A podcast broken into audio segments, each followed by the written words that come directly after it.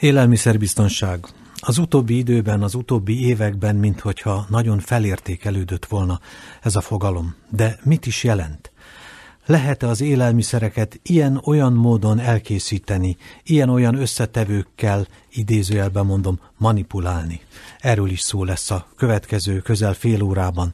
Szabad-e manipulálni a kenyeret, meg a bort? Nem véletlenül kérdezem ezt. Szeretettel köszöntöm vendégemet, Biacs Pétert, a Magyar Agrár és Élettudományi Egyetem professzor emeritusát, frissen kitüntetett Gábor Dénes díjast. Köszönöm, hogy itt van. Én is köszönöm a meghívást.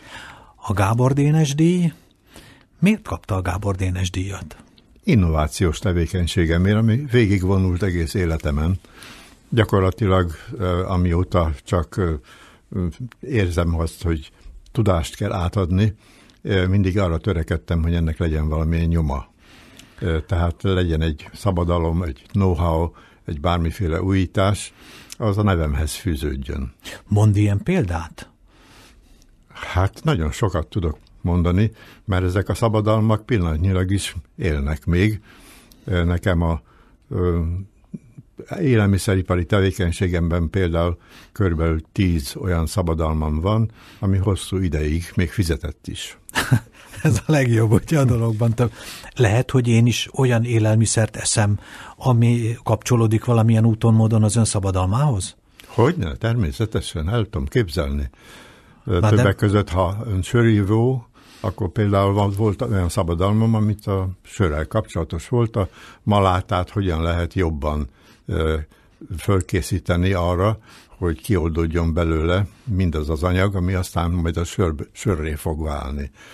Ha már sör, akkor az igaz, hogy az a jó sör, most mondjuk világos sörről beszélek, amiben nincs ilyen kukorica, mindenféle hozzátevő, hozzátett anyag?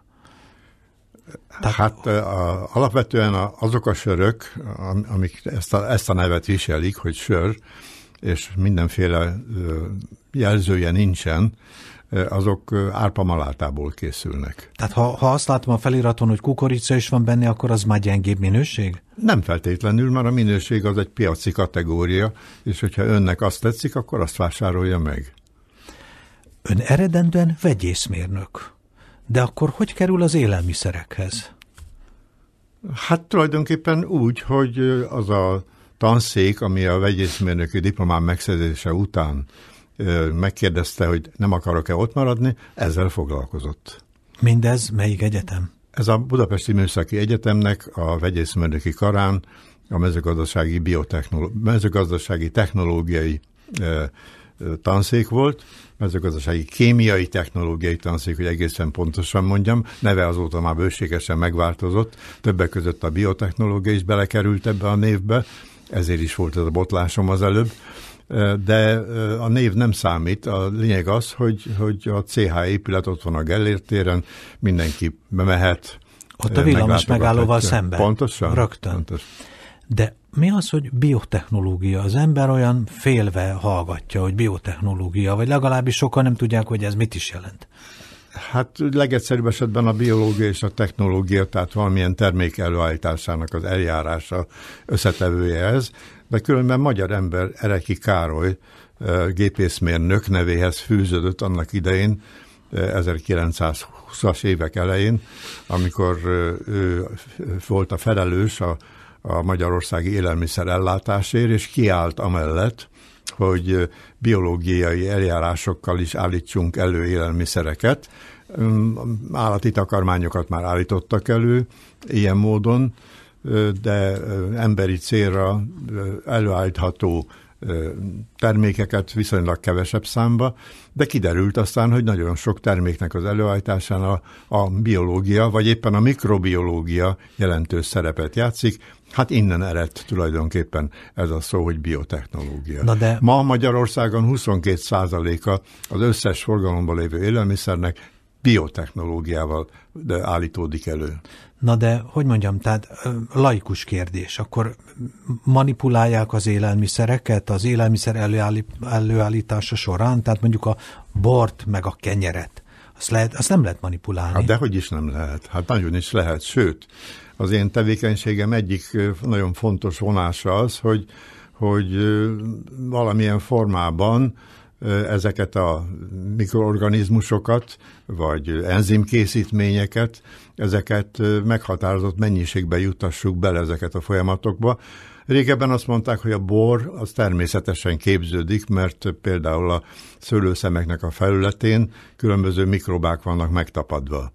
Manapság már az igazi borászok azok nem így hagyják, hogy természetesen fejlődjön ki ez a úgynevezett tenyészet rajta, hanem úgynevezett starter kultúrákat vásárolnak. A starter ugye az, az azt jelenti, hogy kezdet-kezdeténél indító tenyészet, uh-huh. így fordíthatnám magyarra, de miután külföldről hozták be az első ilyen startereket, hát megmaradt, megmaradt valahogy a köztudatba.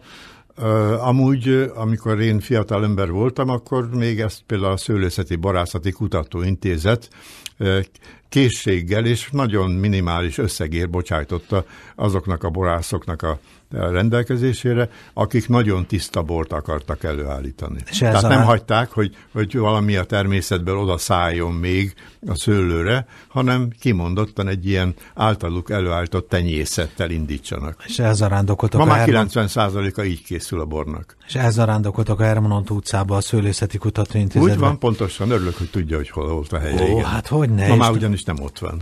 Ma nem ott van, de ott, a, van. ott volt egy Présház utca nevezetű utca, párhuzamos a Herman Otto utcával, ahol a 960-as, 70-es évek környékén még szőlőt termesztettek. Ott Budán. Igen, hát az én munkahelyem is ott volt 20 évig, és én ezt a szőlőt még láttam, és, és, és kóstoltam is.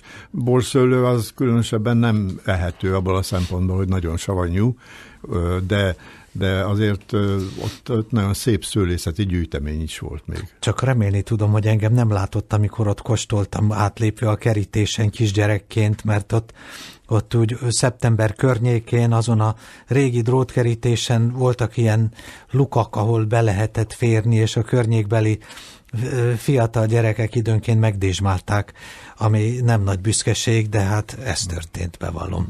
Miután a, mi, ta, mi intézetünk, a Központi Élelmiszeripari Kutatóintézet volt egyedül akkoriban már a mezőgazdasági minisztérium hatáskörében, és a többi az akadémia hatáskörében mm. volt. Hát minket bíztak meg ezzel.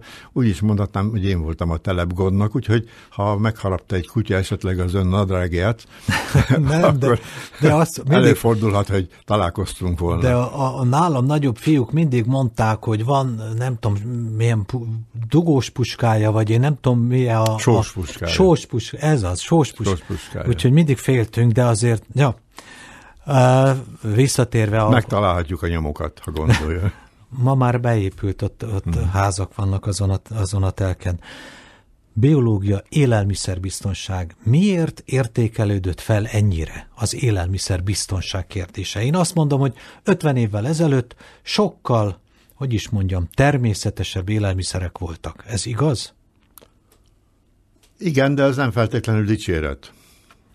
Az élelmiszer mindig is természetes anyag, hiszen mesterséges élelmiszerekről nem nagyon tudunk, legalábbis ma még legfeljebb az előállítás módjában lehetnek mesterséges elemek. Ez a mesterséges hús? Például, igen.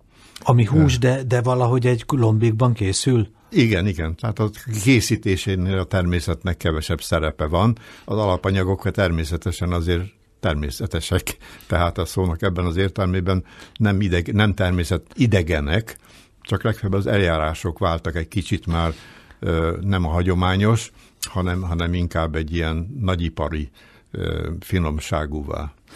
Egy pillanatra leragadtam ennél a mesterséges húsnál. Ez azt jelenti, hogy az a hús, az a mesterséges hús, az ugyanolyan minőségű, mint az a csirkemell, amit megveszek a hentesnél?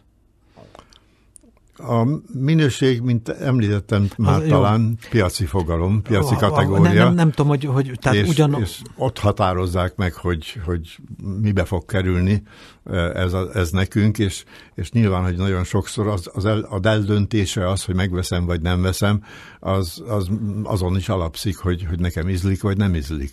Tehát így a minőséget nem tudom garantálni.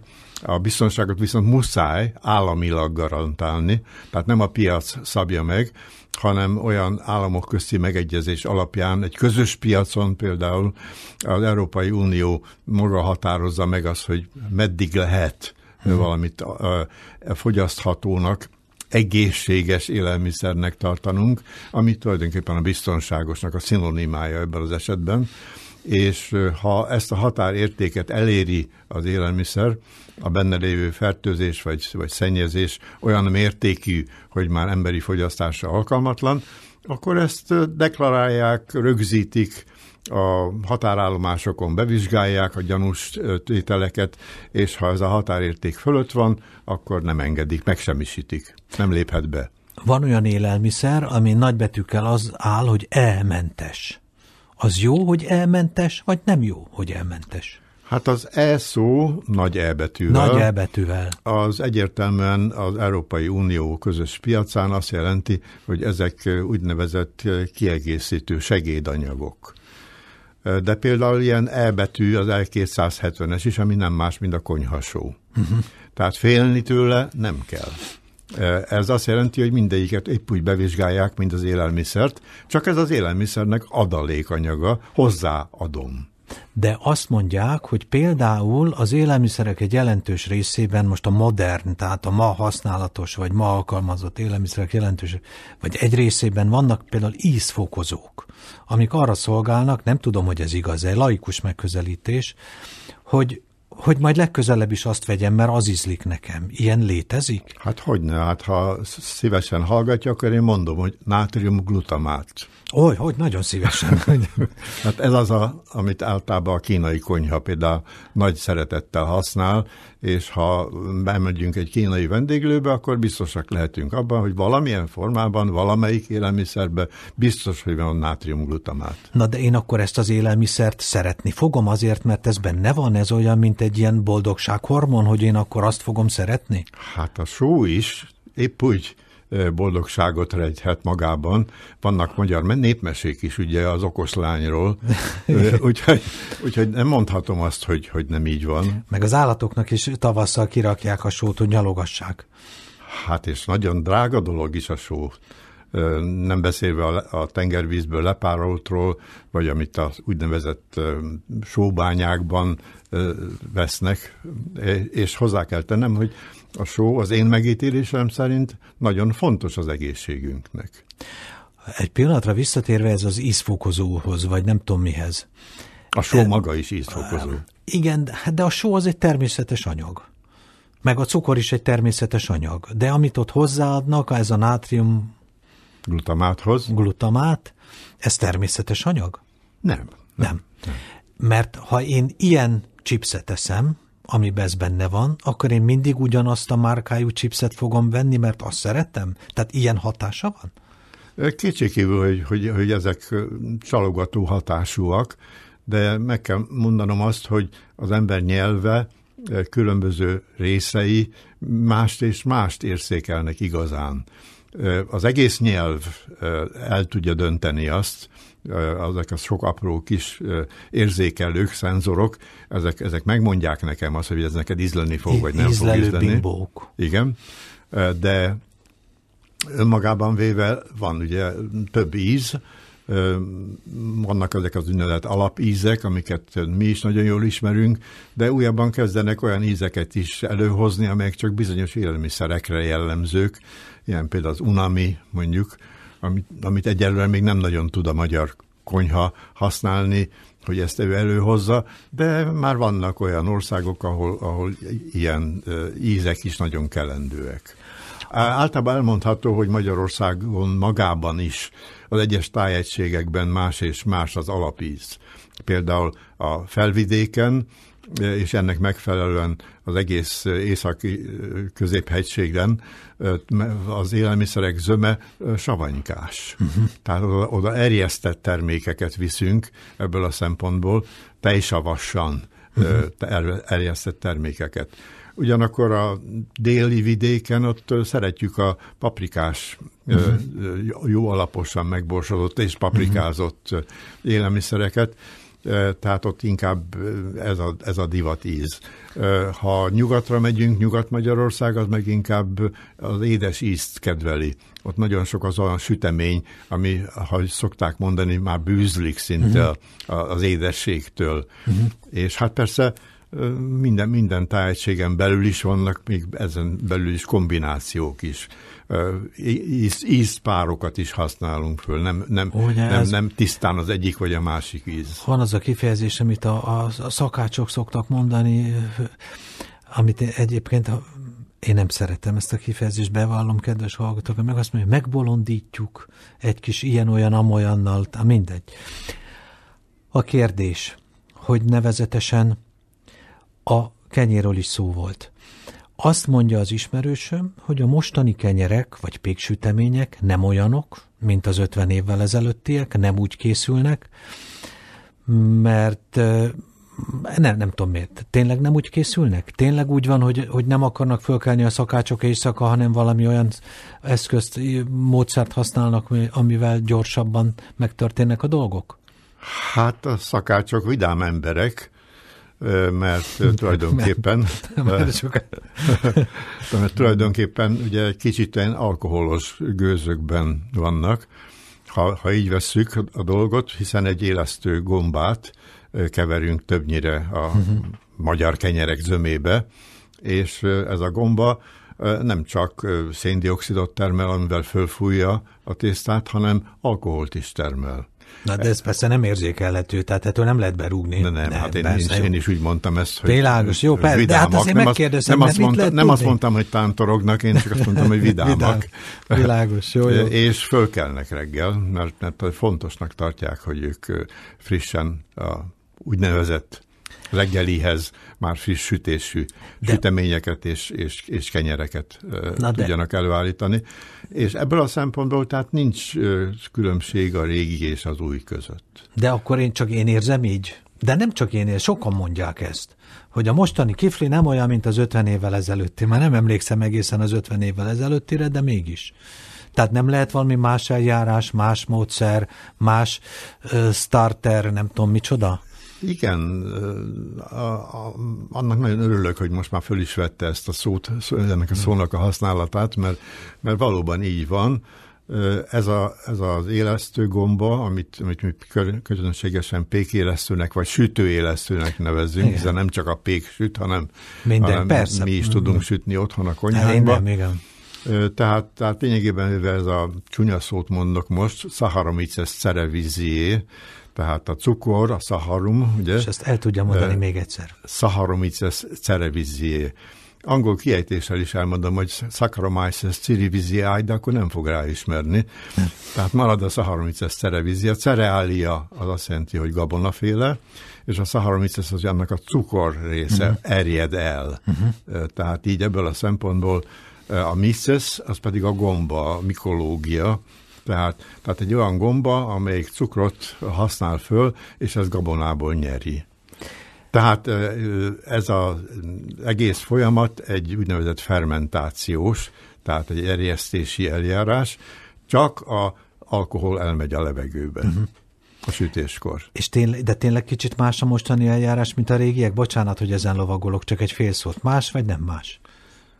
Hát a, a magyar kenyerek között van olyan, amelyik, amelyik ugyanúgy készül, főleg mint, a fehér kenyér, mint, régen. mint a régi. Az, hogy a kenyerekbe más és másféle gabonákat is keverünk, vagy akár krumplis, burgonyás kenyeret fogyasztunk, ez, ezek nem újdonságok a szónak abban az értelmében, hogy bizonyos tájegységekben, mindig vidékeken volt. mindig is használták, és mindig is volt, csak nem került bele ilyen mértékben. Azért is kell a magyar élelmiszerkönyvet olvasgatni időnként, nem kell megijedni, ez nem egy óriási vastag könyv, hanem egy gyűjteménye uh-huh. sok-sok lapnak, uh-huh. és a magyar élelmiszerkönyvbe nagyon szépen le van írva, hogy hányféle kenyér készül uh-huh. ma Magyarországon. Jóval több, mint amit el tudunk képzelni. Képzelni.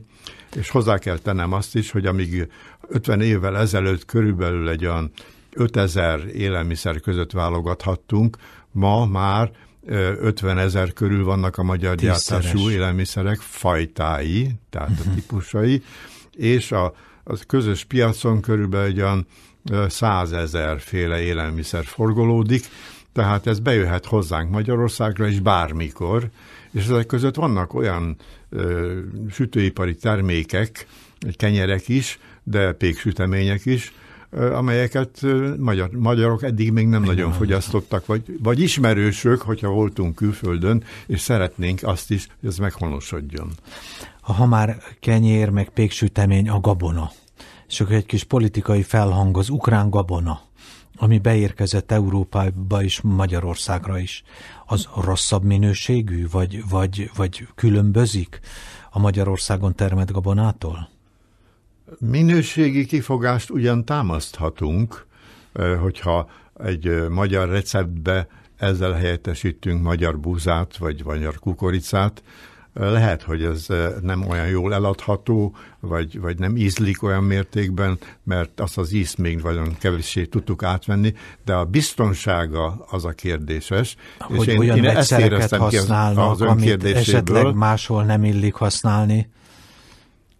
Tehát, hogy Ukrajnában olyan vegyszereket is használnak, amiket Magyarországon nem szabad? Így van, pontosan, és nem csak Magyarországon nem szabad, hanem az egész közös piac államaiban ez tilos, de Ukrajna felmentést kapott Brüsszeltől, az Európai Unió hatóságától ezeknek az eladására. De akkor ez azt jelenti, hogy ha valaki azt mondja, hogy a, az ukrán gabona nem olyan, akkor tényleg nem olyan? Tehát tényleg benne van az, amit egyébként az Európai Unió piacáról már régen kitiltottak, az az eljárás, az a vegyszer, stb. stb. Ez egy nagyon érdekes dolog abból a szempontból, hogy a, a növényvédőszerek, gyomírtó és egyéb szerek, ezek mind-mind bizonyos mértékig korlátozottan használhatók. Van azonban egy olyan eljárás, és én azt hiszem, hogy ön szerkesztő úr erre akar majd kilukadni, hogy génmódosítás. Hát akár. És itt már az a helyzet, hogy ez állami hatáskör. Uh-huh. Hogy engedi, vagy nem engedi. Tehát az Unió egy ideig nagyon szerette volna, hogyha minden ország egyformán kitiltja a génmódosítás, de aztán belátta, hogy ez nem fog menni, mert már voltak olyan országok, például Spanyolország, ahol 16 féle gabonát, 16 féle módosítását a gabonának, genetikai mm. módosítását is termesztették, tehát rábízta hosszas viták után rábízta az egyes országokra, hogy az ő döntésük alapján engedi vagy nem engedi, hogy ott ezzel foglalkozzanak. Mm. Magyarország nem engedi. És ez így jó? Ez így nekünk jó, tökéletesen megfelel. Hát akkor itt tartunk. Nem beszéltük meg, hogy a sör milyen lett, ami, amihez ön hozzányúlt. Jó sör lett? Nem állítom. Nem?